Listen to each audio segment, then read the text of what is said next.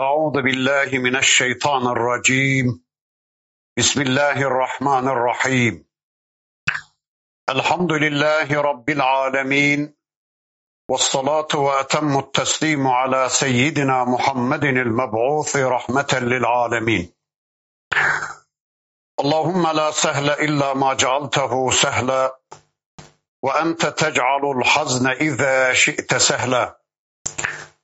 اللهم علمنا ما ينفعنا وانفعنا بما علمتنا وزدنا علما برحمتك يا أرحم الراحمين. أما بعد بسم الله الرحمن الرحيم. وجاء إخوة يوسف فدخلوا عليه فعرفهم وهم له منكرون. إلى آخر الآيات صدق الله العظيم. Muhterem dinleyiciler, birlikte Yusuf suresini tanımaya çalışıyorduk. Geçen haftaki dersimizde surenin 58. ayeti kerimesine kadar gelmiştik. İnşallah bu haftaki dersimizde de okumuş olduğum bu 58. ayetinden itibaren tanıyabildiğimiz kadar surenin öteki ayetlerini tanımaya çalışacağız. Bundan önceki bölümde Rabbimiz Yusuf Aleyhisselam'ın Mısır'a sultan olduğunu, kralın Müslüman olup tüm yetkilerini Yusuf Aleyhisselam'a devrettiğini anlatmıştı. Yusuf çölden geldi, yavaş yavaş kendisini sarayda buldu. Musa Aleyhisselam sarayda büyüdü, sonra çöle gitti, ama Yusuf Aleyhisselam çölde büyüdü, sonra saraya geldi. Bütün bunlar Allah'ın takdirinden başka bir şey değildir. İşte bolluk seneler geldi geçti. Bu dönemde Allah'ın emriyle Yusuf Aleyhisselam güzel bir siyaset uyguladı. Buğdayların az bir kısmını kullanıp çoğunu başağında bıraktı insanları iktisada ve kanaate alıştırdı. Azla iktifa ve fedakarlığa alıştırdı. Sonra yedi yıllık kıtlık dönemi geldi. Tüm dünya açlık ve kıtlık altında inim inim inlerken Mısır halkı son derece rahattı. Dış dünyadan insanlar oraya rızık istemeye geliyorlardı. Rızık için Mısır'a cömert sultana koşanların belki en değerlileri ise Yusuf Aleyhisselam'ın kardeşleriydi. Dikkat ediyor musunuz Allah'ın takdirine?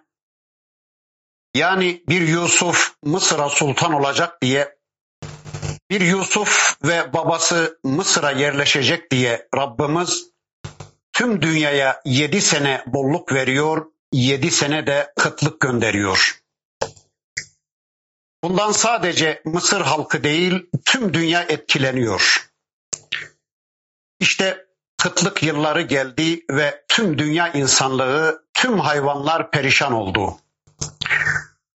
Dünya insanlığı buna habersiz yakalanıyordu. Sadece Mısır halkı tedbirliydi Yusuf aleyhisselam sayesinde. Yakup aleyhisselam ve ailesi de tedirgin oldular. Bakın Rabbimiz onu da şöylece anlatıyor. وَجَاءَ إِخْوَةُ يُوسُفَ فَدَخَلُوا عَلَيْهِ فَعَرَفَهُمْ وَهُمْ لَهُ مُنْكِرُونَ Yusuf'un kardeşleri Mısır'a geldiler. Yusuf Aleyhisselam'ın huzuruna girdiler. Onlar Yusuf'u tanıyamadılar ama Yusuf Aleyhisselam onları tanımıştı. Yusuf'un yanına girdiler on kardeş. Çünkü Yusuf öyle emretmişti. Dışarıdan gelen hiç kimse Yusuf'un emri olmadan yiyecek alamıyordu. Onlar da izin alabilmek için Yusuf'un yanına girdiler. On kardeş. Hepsi birbirinden güzel. Hepsi de peygamber çocukları. Varsın daha önce kardeşlerine ihanet etmiş, büyük bir günah işlemiş olsunlar. Ama yine de onlar peygamber çocuklarıydı. Yine de kardeşleriydi onlar Yusuf Aleyhisselam'ın. Huzuruna giren kardeşlerini tanıdı Yusuf Aleyhisselam ama onlar Yusuf'u bilemediler, tanıyamadılar. Nereden bilsinler ki Yusuf çoktan köle olarak satılıp gitmişti. Nereden bir melik olabilecekti Yusuf? Akla hayale bile gelebilecek bir ihtimal değildi bu. Nereden tahmin edebileceklerdi onu? Onlar Yusuf'tan kurtulalı yıllar olmuştu. Artık onların zihinlerinde, onların dünyalarında Yusuf diye birisi yoktu. Şimdi bir yerlerde köle olarak, ırgat olarak bir hayat yaşıyordu Yusuf. Belki de ölüp gitmişti. Nereden bilebileceklerdi kendilerinin kaderine engel olmaya çalıştıkları Yusuf şu anda karşılarında bir peygamber melik olarak duruyordu. Ama kaderin sahibi Allah'tı. Hiçbir güç sahibi asla gücüne güvenmesin. Hiçbir melik güvenmesin mülküne, saltanatına. İndirir Allah onları. Bir köle çocuğu da oturtu verir onların mülküne. Hiç kimse mülküne, saltanatına güvenmesin. وَلَمَّا جَهَّزَهُمْ بِجَهَازِهِمْ قَالَ اَتُونِي بِأَخٍ لَكُمْ مِنْ أَب۪يكُمْ أَلَا تَرَوْنَ اَنِّي اُوفِ الْكَيْلَ وَأَنَا خَيْرُ الْمُنْزِلِينَ Yusuf aleyhisselam onların yüklerini hazırlatınca onlara şöyle dedi. Baba bir kardeşinizi bana getirin. Sizlere ölçüyü bol tuttuğumu, çokça verdiğimi ve benim misafir konuklayanların en hayırlısı olduğumu görmüyor musunuz? Peki nereden bildi Yusuf Aleyhisselam onların bir kardeşlerinin daha olduğunu? Onları huzuruna alınca konuşturdu. Nereden geliyorsunuz? Kaç kişisiniz? Ne kadar yiyeceğe ihtiyacınız var diye onları konuşturdu. Onlar da dediler ki biz 11 kardeşiz. Bir babamız ve de anamız var. Peki hani öteki kardeşiniz niye gelmedi? Niye 10 kişi geldiniz diye sordu Yusuf Aleyhisselam. Onlar dediler ki bizim kardeşimizi babamız Yakup Aleyhisselam bize güvenmiyor. Onu dizinin dibinden ayırmıyor dediler. Ve işte Yusuf Aleyhisselam onlardan öğrendiği bu konuyu onlara hatırlatıyor. Gelecek sefer gelirken onu da yanınızda getirin. Görmüyor musunuz? Ben size güvendim de 11 kişilik yiyecek verdim. Eksik yapmadım. Hakkınızı tam verdim. Ben sizi güzel ağırladım diyor. Dikkat ediyor musunuz? Yusuf Aleyhisselam kendisine ihanet edenlere çok güzel davranıyordu. Kötülüğe kötülükle karşılık vermiyordu. Tıpkı büyük babası İbrahim Aleyhisselam gibi misafirlerine cömert davranıyordu. Sonra dedi ki فَاِنْ لَمْ تَأْتُونِي بِهِ فَلَا كَيْلَ لَكُمْ عِنْدِي وَلَا تَقْرَبُونَ Eğer bir dahaki gelişinizde onu bana getirmezseniz bilesiniz ki artık sizin için benim yanımda hiçbir kile yoktur. Bana yaklaşmayın. Benim yanımda size verilecek hiçbir şey yoktur. Kardeşinizi de getirmezseniz benim gözüme görünmeyin. Ya onu da getireceksiniz yahut da benden bir şey beklemeyin dedi. Kardeşleri dediler ki قالوا سنراود عنه أباه وإنا لفاعلون Bunun üzerine dediler ki ey Melik onu babasından isteyeceğiz. Babasını bu konuda ikna etmeye çalışacağız. Biz bu işi yapmaya çalışacağız. İnşallah beceririz. Gerçi babası onu yanından ayırmak istemez de ama biz onu ikna etmek için bir yol arayacağız dediler. Yani ey Melik senin emrini yerine getirmek için gayret edeceğiz dediler. Bakın bir melik karşısında ne kadar mahcuplar. ne kadar ezikler, ne kadar muhtaçlar değil mi? Halbuki bir zamanlar onu alıp kuyuya atarlarken, kervana 3-5 kuruş karşılığında satarlarken, ona ne kadar da kötü davranmışlardı değil mi? Allah böyle yapar işte. Allah onları böylece ihanet ettiklerine muhtaç ediverdi. Surenin başında da ifade ettiğimiz gibi Rabbimiz bununla bu surenin geldiği dönemin Mekkelilerine şöyle diyordu. Ey Mekkeliler, ey peygamber düşmanları, bilesiniz ki bir gün gelecek sizler de Yusuf'un kardeşlerinin durumuna düşeceksiniz. Şu andaki kafirlere, yeryüzü müstekbirlerine de Rabbimiz bununla şunları söylüyordu. Ey dünya müstekbirleri! Sizler de kesinlikle bilesiniz ki bir gün gelecek şu zulmettiğiniz, kanlarını döktüğünüz mustazaf Müslümanlar karşısında Yusuf'un kardeşlerinin durumuna düşeceksiniz. Şu anda güçlü olabilirsiniz Yusuf'un kardeşleri gibi. Şu anda Allah'ın verdiği ekonomik, siyasal ve askeri güçlerinizle Müslüman kanı dökmeye devam edebilirsiniz. Ama unutmayın ki hüküm Allah'ındır. Bir gün mutlaka Allah sizi de Yusuf'un kardeşlerinin düştüğü konuma düşürecektir. Bundan zerre kadar bir şüpheniz ve endişeniz olmasın. Ama korkmayın ey kafirler. Bizler size sizin yaptıklarınızı yapmayacağız. Bizler sizin bize yaptığınızı size yapmayacağız. Bizler size Yusuf'un kardeşlerine yaptığını yapacağız. Bu konuda emin olabilirsiniz. Bu konuda zerre kadar bir endişe taşımayabilirsiniz. وقال لفتيانه اجعلوا بضاعتهم في رحالهم لعلهم يعرفونها إذا انقلبوا إلى أهلهم لعلهم يرجعون Yusuf Aleyhisselam adamlarına, görevlilerine dedi ki, onların karşılık olarak getirdiklerini de yüklerine koyun. Belki ailelerine varınca, ülkelerine varınca onu anlarlar da bir daha dönerler dedi.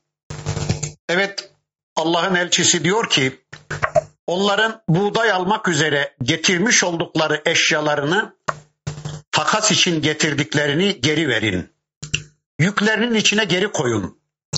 Umulur ki onu bilirler, sermayelerinin geri verildiğini anlarlar, bizim cömertliğimizi anlarlar da bizim bu iyiliğimize karşı gelecek sene tekrar gelirler dedi. Tabi Allah'ın elçisi Yusuf Aleyhisselam kardeşlerinin tekrar gelmesini istiyordu. Allahu alem o dönemde öyle günümüzde olduğu gibi parayla değil de eşya değişimi yoluyla alışveriş yapılırdı. Acaba kardeşleri çölden Mısır'a takas malı olarak ne getirmişlerdi? Allahu alem dağ armudu, dağ alıcı, dağ eriği gibi şeyler getirmişlerdi. Felemma racau ila ebihim kalu ya ebana muni'a minnel keylu فَاَرْسِلْ مَعَنَا أَخَانَا نَكْتَلْ وَاِنَّا لَهُ لَحَافِظُونَ Babalarına döndüler ve dediler ki ey babacığımız artık bize buğday yasaklandı. Bundan sonra bize yiyecek verilmeyecek. Bizimle beraber kardeşimizi de gönder ki yiyecek alabilelim. Muhakkak ki biz kardeşimizi koruruz. Bu konuda bize güven dediler. Evet daha yüklerini açmadan dediler bunu babalarına. Ve bunu babalarına derlerken sanki boş gelmişler, hiçbir yiyecek getirmemişler gibi bir haleti ruhiye içinde diyorlardı. Babacığım kardeşimizi bizimle birlikte gönder ki zahire alabilelim dediler. Babaları Yakup Aleyhisselam onların bu tekliflerini kabul ve red ile karışık bir biçimde cevaplandırdı. Çünkü Yakup aleyhisselam da zorlanıyordu. Çünkü kıtlık vardı, açlık vardı. Kadınlar vardı, çocuklar vardı. Onların kıtlıktan telef olmaları söz konusuydu.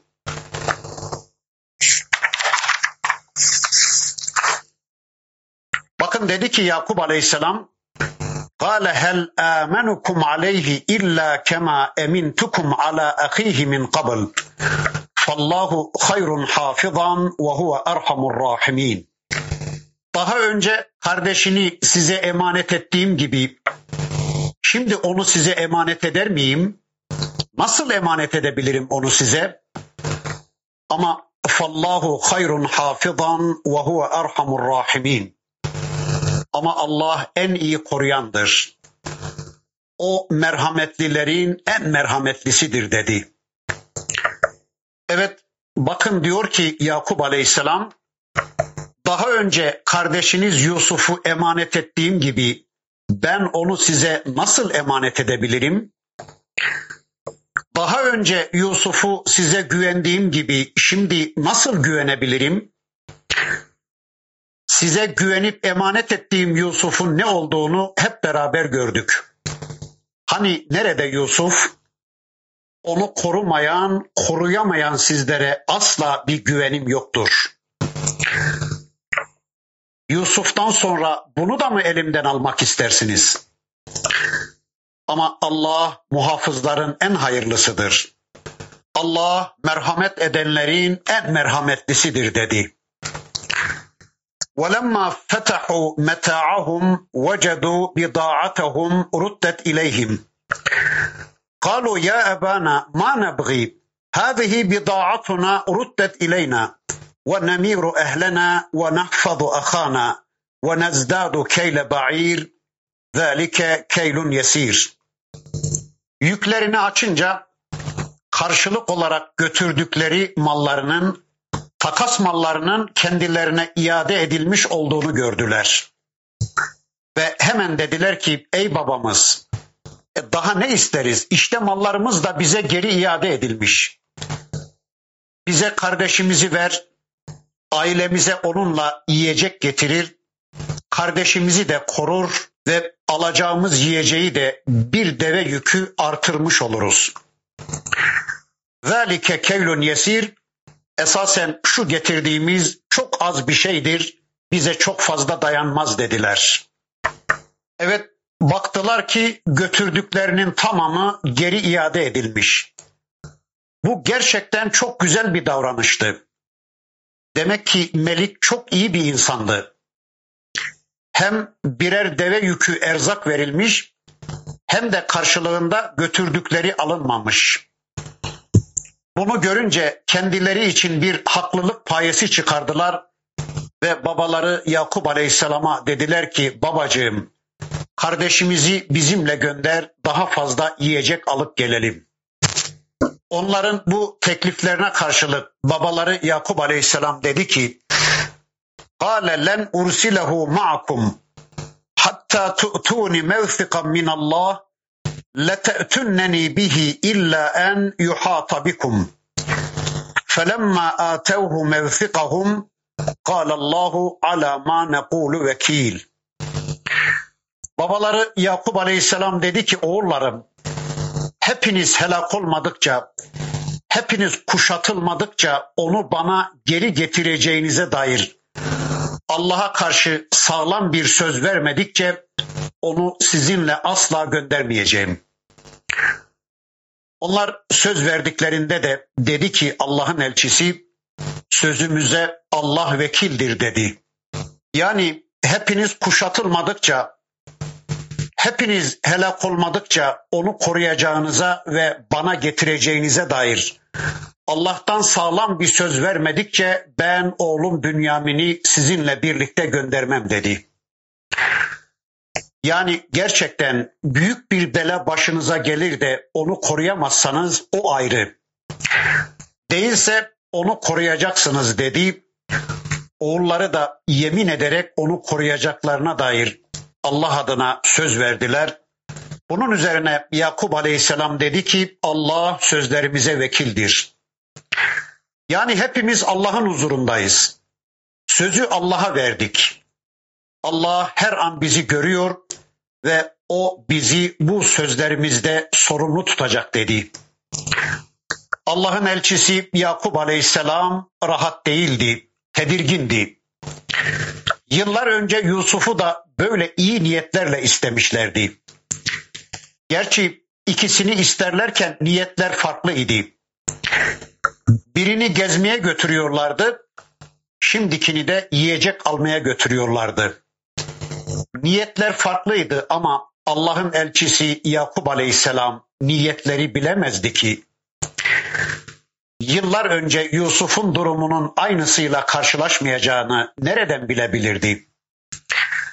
Bünyamin'i ancak onlardan Allah adına alabileceği kesin bir söz üzerine verecekti.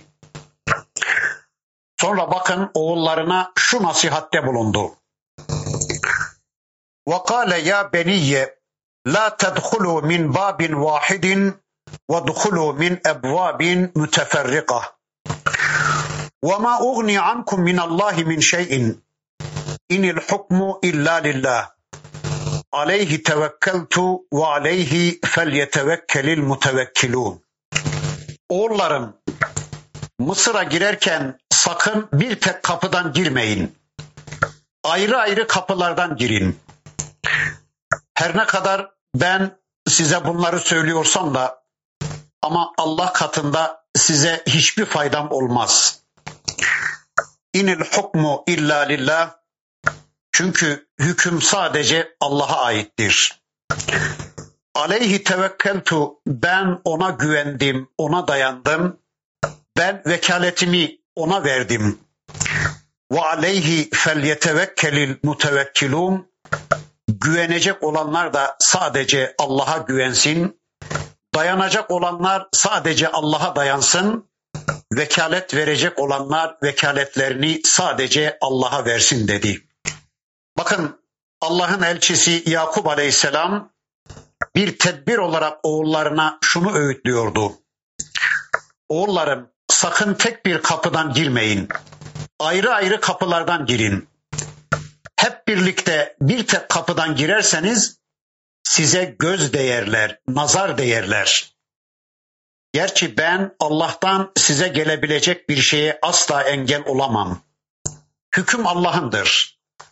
Ben ona tevekkül ettim ve tevekkül edenler de sadece ona tevekkül etsinler. Yani oğullarım ben size böyle bir tedbir öneriyorum ama yine de Rabbim bir şey dilemişse o mutlaka olacaktır. Ben size bir tedbir öneriyorum ama kesin inanıyorum ki benim tedbirim Allah'ın takdirinin önüne de geçemeyecektir. Tedbir almak gerekiyorsa da bu tedbir asla takdirin önüne geçemez. Çünkü inil hukmu illa lillah bu konuda her konuda hüküm Allah'a aittir. Yetki Allah'a aittir. Hakimiyet Allah'a aittir. Evet bu ayeti kerimede Yakup Aleyhisselam'ın ifadelerinden anlıyoruz ki bir Müslümanın tedbir alması caizdir.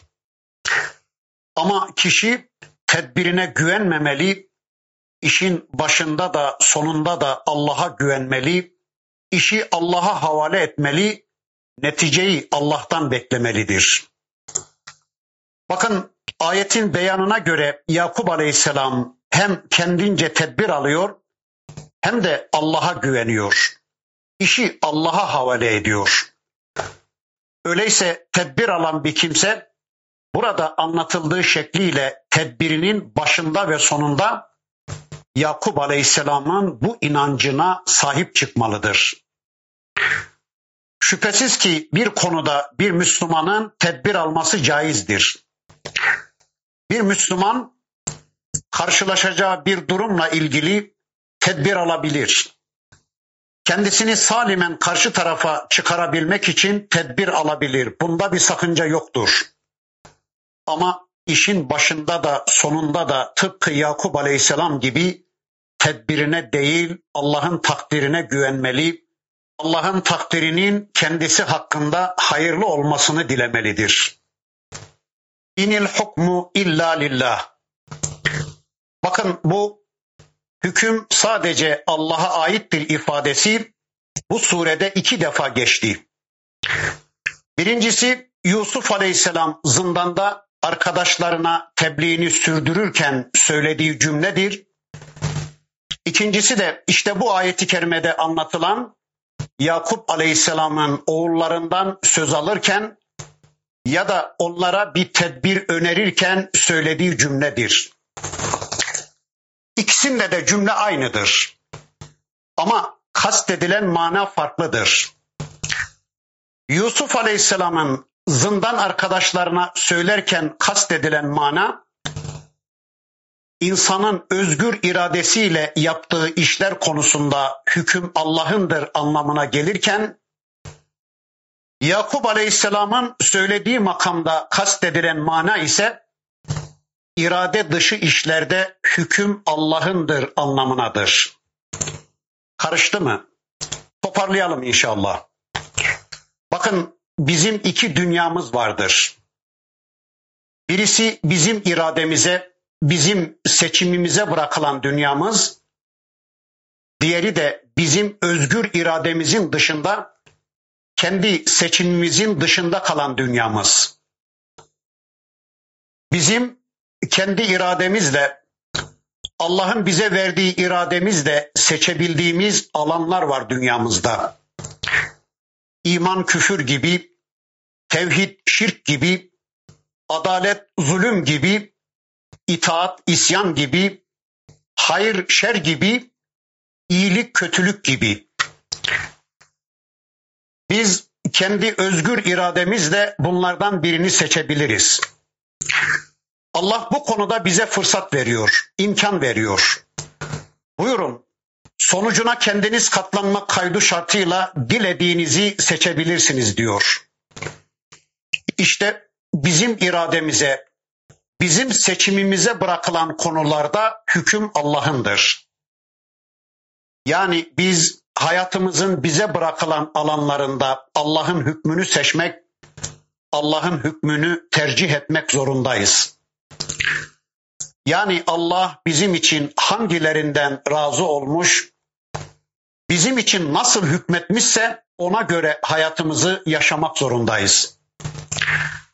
Yani biz özgür bırakıldığımız iradelerimizi Allah'a bağımlı kılmak, Allah'ın bizim adımıza razı olduklarından razı olmak, razı olmadıklarından da uzak durmak zorundayız. Kendi seçimimizden vazgeçip Allah'ın bizim adımıza yaptığı seçimini kendimiz için seçim bilmek zorundayız.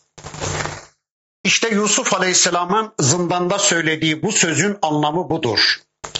İkincisine yani Yakup Aleyhisselam'ın söylediği inil hukmu illa lillah ifadesine gelince o da bizim irademizle ilgili olmayan, bizim seçimimizin dışında olan konularda yani bizi aşan kaderimizle Allah'ın takdiriyle ilgili konularda da hüküm Allah'ındır.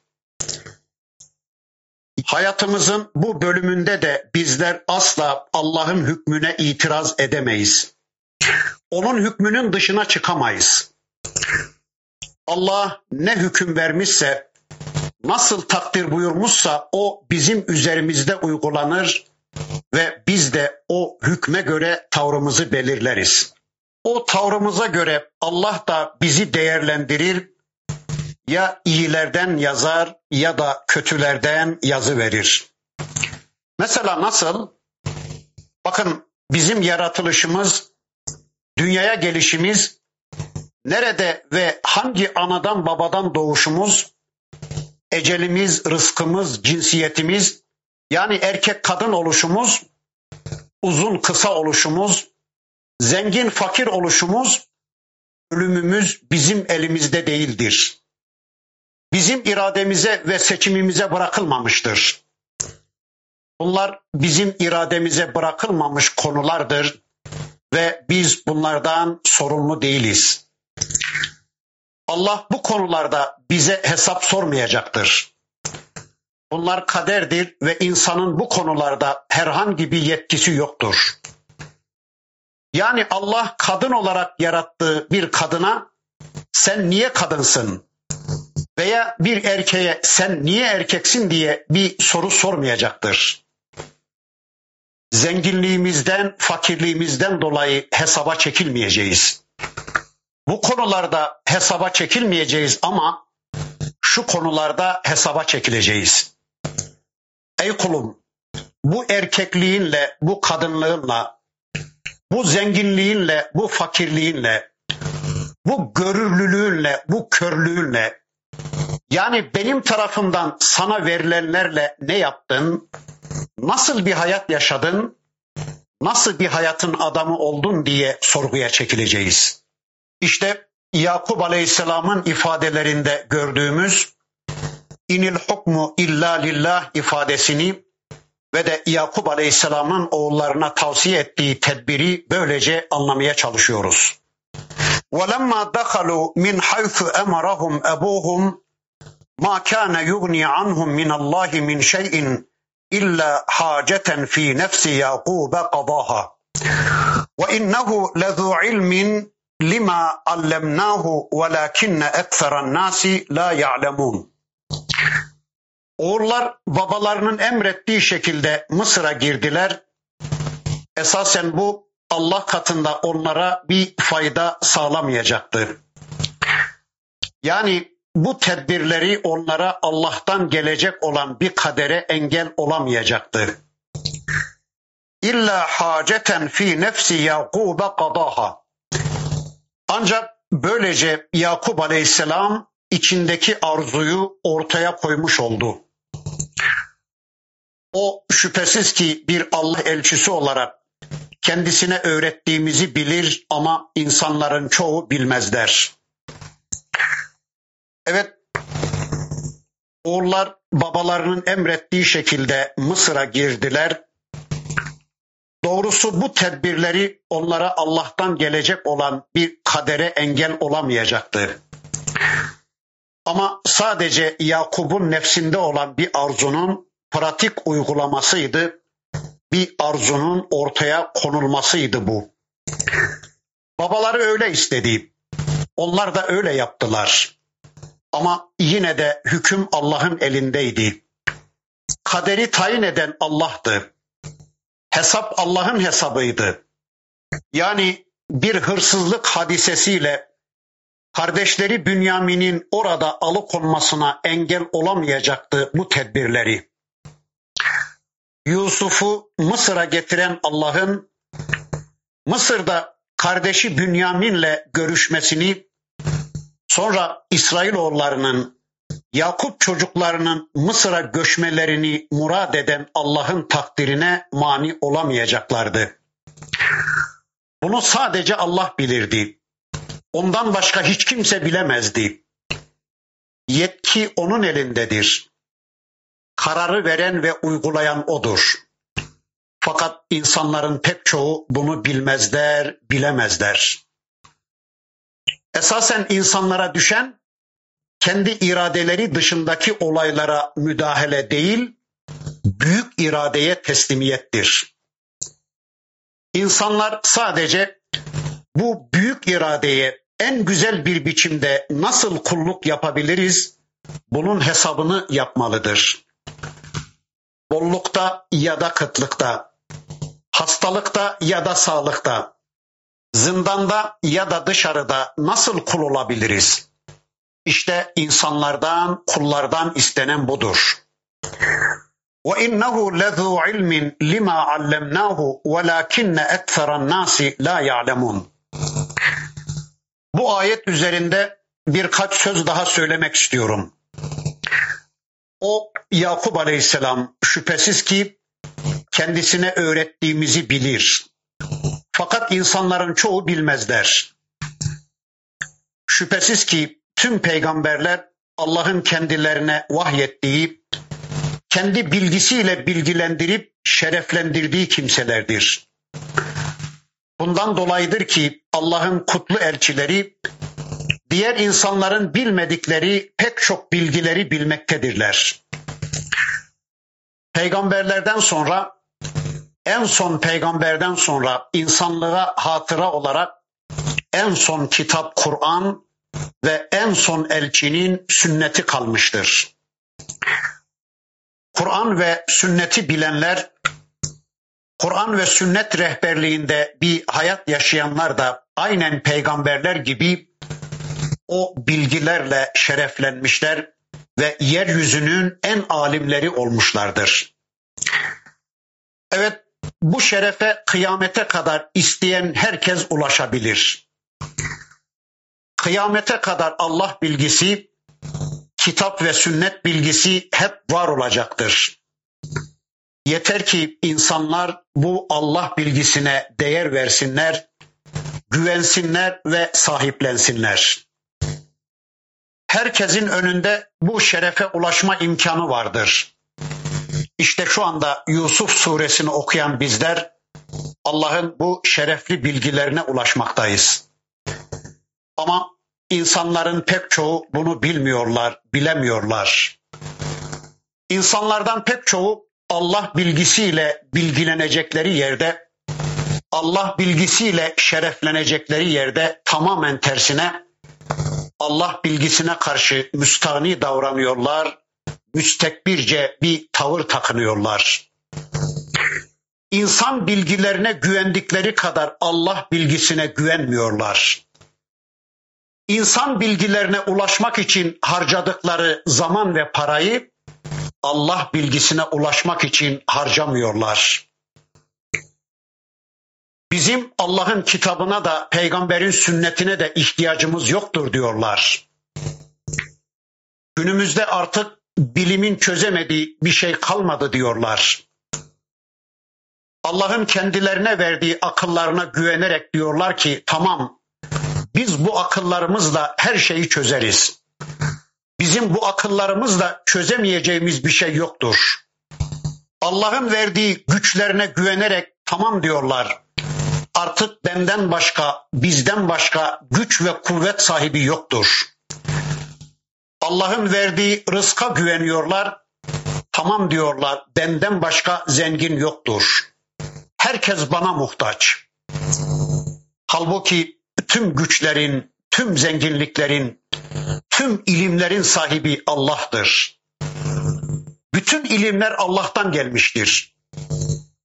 Eğer Rabbimiz bize rahmet buyurup vahiy göndermeseydi, bizi muhatap kabul edip kendi bilgisini bize bildirmeseydi şu anda bildiklerimizin hiçbirisini bilemeyecektik.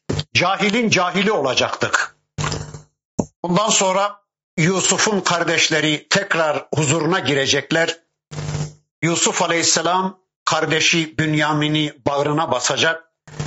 Ama süremiz doldu. İnşallah bu haftada burada kalalım.